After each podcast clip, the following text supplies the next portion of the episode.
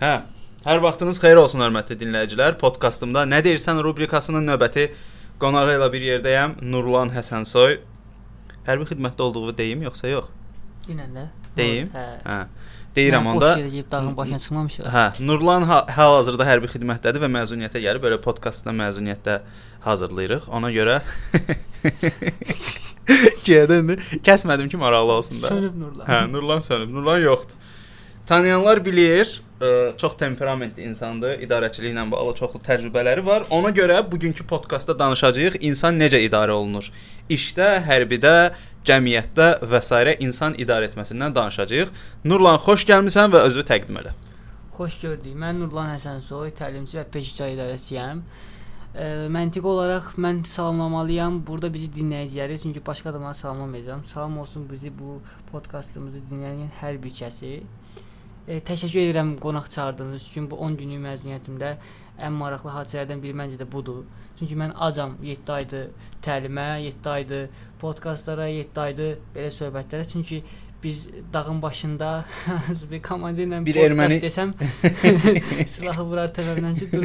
Avtomatın qundağınca. Avtomatın qundağınca. Bir ə, bir erməni görsüz, bir də çaqqalla, hə? elə ikisi də eyni şeydir. Ayırd eləmir. Hə. Ə, Nurlan təklif verdi ki, idarə etmədən danışaq. Ə, ki Nur Nurlan bununla bağlı təcrübəsi var. Türkiyədə də Nurlan bu ixtisasda da hə oxuduğun. Nədir? Mən e, bizdə idarəetmə texnikaları üzrə mütəxəssislik, akademik dərəcə ilə peşəkar idarəçi adı ilə qurtarmışam mən. Bu haqqda da təcrübələrim var. Daha doğrusu mənim sahəm idarəçiliklədir. Ona görə də ən yaxşı bildiyim sahə haqqında danışsam, məncə insanlara daha çox kömək etmiş olaram, nəinki bilmədiyim mövzular haqqında boş-boş danışsam. Qəşəng. Elə ilk sualım Nurlan insan necə idarə edilir? İnsan əslində hərbidə bizə SS qanunu deyirlər, amma bununla idarə olunmur. Çünki e, insan e, çox sahə üzrə idarə olunur. Hər sahənin öz idarə etmə sistemi var. Deyək ki, şirkətdə işləyirsinizsə, bu iş sahəsini idarə etməsidir. Ailədə başqa cür idarə olunur, hərbidə başqa cür idarə olunur. Daha sonra e, ümumiyyətcə belə demək istəyirəm ki, biz doğuşdan idarə edilirik müəyyən bir vaxtdan sonra idarə etməyə başlayırıq. O da həqiqətən də bizim həyatdakı profilimiz idarə etmə profilinə sahibdirsə, yəni e, müəyyən bir vaxtdan sonra məcburi şəkildə idarə edən bir insan oluruq. Yəni e, 18 yaşımıza kimi deyək ki, ailə bizi idarə eləyir. E, müəyyən bir vaxtdan sonra biz artıq universitet qutarırıq və ya qutarmırıq, özümüzə bir həyat seçim edirik, hər hansı bir sənət üzrə hər hansı bir iş qururuq və ondan sonra biz ailə həyatı qururuq, artıq bizə idarəçi olmağa başlayırıq həyatdakı hər bir şeyi fırlasaz, şirkət, hərbi, hər bir şeyi bir yerə fırlasaz, yenə də idarəçilik hansı idarəçiliyə oxşuyur? Ailənin idarəçiliyinə.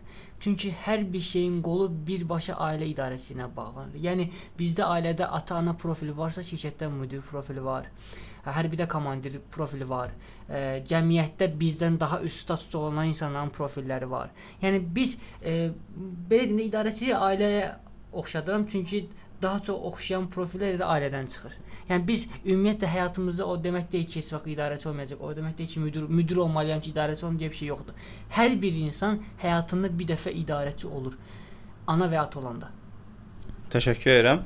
Mən düşünürəm ki, ən uğurlu idarə etmə qərarların qəbulunda demokratik, icrasında diktatura olan idarə etmədir. Elə bir 10 nəfər varsa, qərar qəbul eləyirəmsə, hamının fikrini alacağam. İcra eləyirəmsə, artıq hamının fikrini aldığıma görə diktə eləyəcəm ki, bax sən də belə qərar vermisən. Mən düşünürəm ki, insan mütləq demokratiyaya və ya mütləq diktaturaya meylli canlı deyil, ikisinin miks olanda daha effektiv nəticə verir. Təbii ki, ikisinin miksini də doğru zamanda istifadə edilir. Çünki qarşımızdakı profillərin hər hamısının ayrı bir temperamentləri var və bu temperamentə görə də xarakter sərgiləyirlər. Birisi demokratik bir qərarları xoşlayırsa, ona demokratik şəkildə yaxınlaşıb ondan daha yaxşı ünsiyyət qurmaq olar, nəinki ona diktator bir sistemlə yaxınlaşsaq. Bu bizim əslində peşəkar idarəçilikdə ən böyük önəm verdiyimiz simvollardan biridir ki, bir idarəçi bir çox temperamentlə işləməyi bacarmalıdır. Öz temperamentinə görə qarşıdakı insanları düzməməlidir qarşısına. Hər bir kəsə ayrı bir temperament sərgiləyib onun xoşbəxt olmağını e, təmin etməlidir ki, işinin daha lüks və daha yüksək səviyyədə getməsini e, belə deyim sağlaya bilsin türklər demişkən. Mən düşünürəm ki, idarə etmədə ən önəmli detal məntiqi tərəfdən daha çox inanclar və emosional tərəfdir. Məsələn, beynimizin limbik sistem deyə bölgəsində türklər bunu qəşəng deyir, duyğu və dürtünün olduğu yer, yəni instinktlərin, duyğuların və instinktlərin olduğu tamam. yerdə baş verir. Burdan baş verir. Ona görə insanı duyğusal olaraq hərəkətə gətirməsən, ə, məntiq yolu ilə elədiyi heç bir şeyi qəbul eləməyəcək. Məsələn, adam kitab oxuyur, ə, duyğusal olaraq o kitabı niyə oxuduğunu başa salmasan, instinktiv olaraq o onu qəbul etməsə, məntiqlə bir balaca çətin olacaq. Məsələn, biz deyirik, tutaq ki, Avropa burdan daha yaxşıdır, ümumiləşdiririk. Ə, stigmatizasiya deyirlər buna sosial psixologiyada. Ləkələmə və işarələmə də ola bilər. Məsəl üçün hər şey yaxşıdır. Avropa yaxşıdır ümumiləşdirdim və nəyə əsasən yaxşıdır, hansı müqayisəyə görə eləyirəm. Ən azından burdan yaxşıdır. Tam olaraq müqayisəm yoxdur, amma beynimdə var ki, ora burdan daha yaxşıdır. Çünki beynimiz müqayisə prinsipi ilə çalışır. İnsanların inanclarına toxunulan istənilən situasiya onların idarə etməsində önəmli rol oynayır. Hə?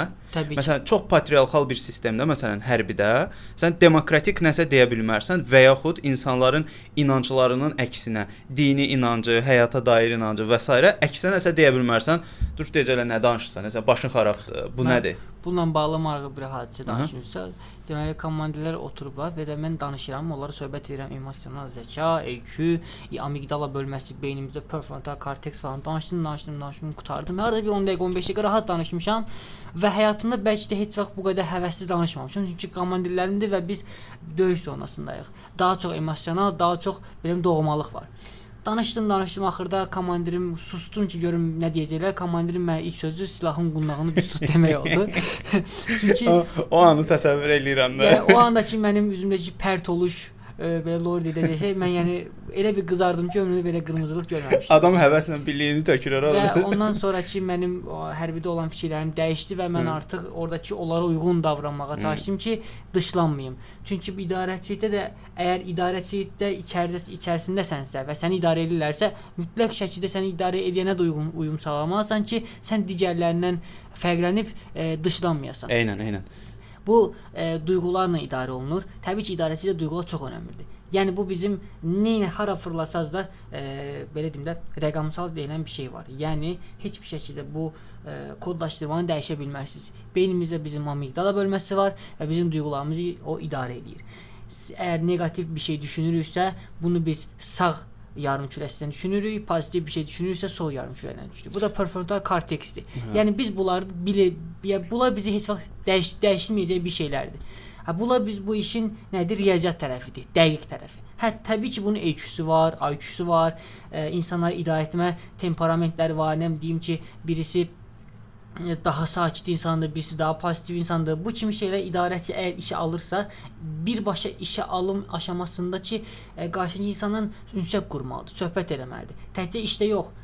Əgər anasansa, atasansa öz övladınla söhbət eləməlisən. Onun xarakterini anlamalısan ki, ona uyum sağlamalısan. Uyum sağlamadığın vaxtlarda nə olur? Uşaq gedir hər hansı bir tində e, siqaret çəkməyə başlayır, sizin xəbəriniz yox. Və başqa-başqa şeylər. İçməyə başlayır, sizin xəbəriniz yox. Bunlar pis bir e, vərdiş deyil, siqaret və ya deyək ki, içki mən deyəmərəm ki, içən adam pis adamdır. Və təbii ki, e, yanlış vərdişlərdir, amma pis adamdır deyə bilmərik. Aslı hala salır deyə Eynən. problem yaradır. İçki içir, amma sizin xəbəriniz olsun. Siqaret çəkir, sizin xəbəriniz olsun. Bunları istəyirsinizsə biz idarə etməni bacarmalıyıq ki, həm övladımızı yaxşı şəkildə idarə edə bilək, həm də ailəmizi.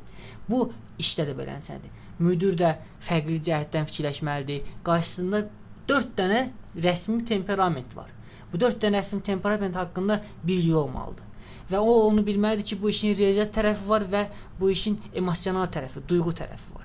Bunların hamısını ölçməlidir. Təbii ki, indi biz bu e, riyaziyyat tərəfindən, emosional tərəfindən danışsaq, yəqin ki, 2-3 saatlıq podkast olacaq. Biz sadəcə ön söz keçirik ki, müəyyən bir bilgilər olsun. Yəni elə bir ki, birinə ə, qoyun desən, bir temperament olan adam sənə qoyun deyə bilər, qoyun özünsən. Birinə desən fikirləşər ki, mən doğrudan da qoyunam.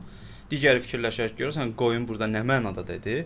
O üstə fikirləşər ki, mənə niyə qoyun dedin? Hə, yəni bir qoyun sözü hər temperamentə görə, temperamentə görə 4 cür fərqlənə Təbii bilir. Təbii ki. Yəni biz dediyimiz sözü insanlar 4 cür dəyişdirə bilər. Yəni bunu 4 cür fərqli fikirləşə bilərlər. Bu da 4 dənə fərqli temperament deməkdir. Bu hərbidə də beləncədir. Hərbidə məsəl üçün deyək ki, komanda verilir. Bu komandanı e, normal qəbul edən var. Vətənpərvər kimi qəbul edən ki, mən vətənpərvərəm, mənə verildi bu komanda yerinə yetirməliyəm, qaçaraq eləyir. Birisinə versən bu sadəcə bunun əmr olduğu üçün yerinə yetirir. Birisinə verirsiniz bunu özünə pis bilir, amma məcbur şəkildə yerinə yetirir. Amma yəni, eləyir. Amma eləyir məcbur. Bu SS qanunudur. Yəni bir var sevə-sevə digərini demək istəmirəm. Yəni bu hərbinin qanunudur. Hər yerdə idarəçilik var, amma sadəcə olaraq məcburi idarəçilik sadəcə hərbidədir. Hə. Yəni çünki orada məsələn mən hərbidə öyrəndiyim ilk ə, belə deyim özümə xas xüsusiyyətlərdən biri məcburi şəkildə susmaqdır. Susmaqdır. Bu susmaq çünki mənə hər yerdə kömək eləyəcək.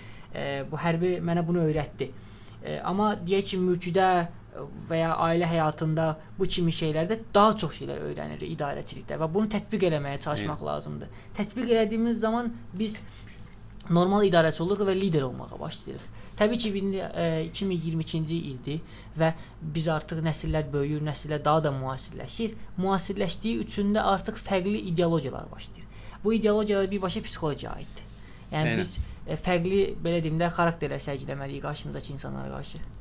Ə Bir dəfə Arthur Rubinstein var, pianoçu məşhur. Onun haqqında məqalə oxuyurdum. Deyir bir gün 5 saatlıq konsert verir, piano ifa eləyir. Sonra bir uşaq yanına yaxınlaşır ki, mənə imza ver, avtoqraf almaq istəyir. Bu da deyir ki, mən 5 saatdır piano ifa eləmişəm və əllərim yorulub. Uşaq da belə baxır, deyir, mənim də əlim yorulub. Deyir, niyə ki, mən piano ifa eləmişəm, sənin niyə əlin yorulub? O da deyir, alqışlamaqdan biraz tutulur belə, sonra götürür onu imzalayır. İşin o duyğusal tərəfi çox əhəmiylidir idarə etmədə. Çünki insanları duyğusal olaraq, instinktiv olaraq hər nə olursa olsun o mücərrətlik üzərindən təsir eləməlisən ki, idarə etməni də doğru şəkildə əlinə ala biləsən. Məsələn, hərbidə söyüşlə idarə etmə daha effektiv nəticə verir. Təbii ki. Nəinki zəhmət olmasa bunu elə zəhmət olmasa deyəndə qıraqdan baxacaqlar ki, normal danış da.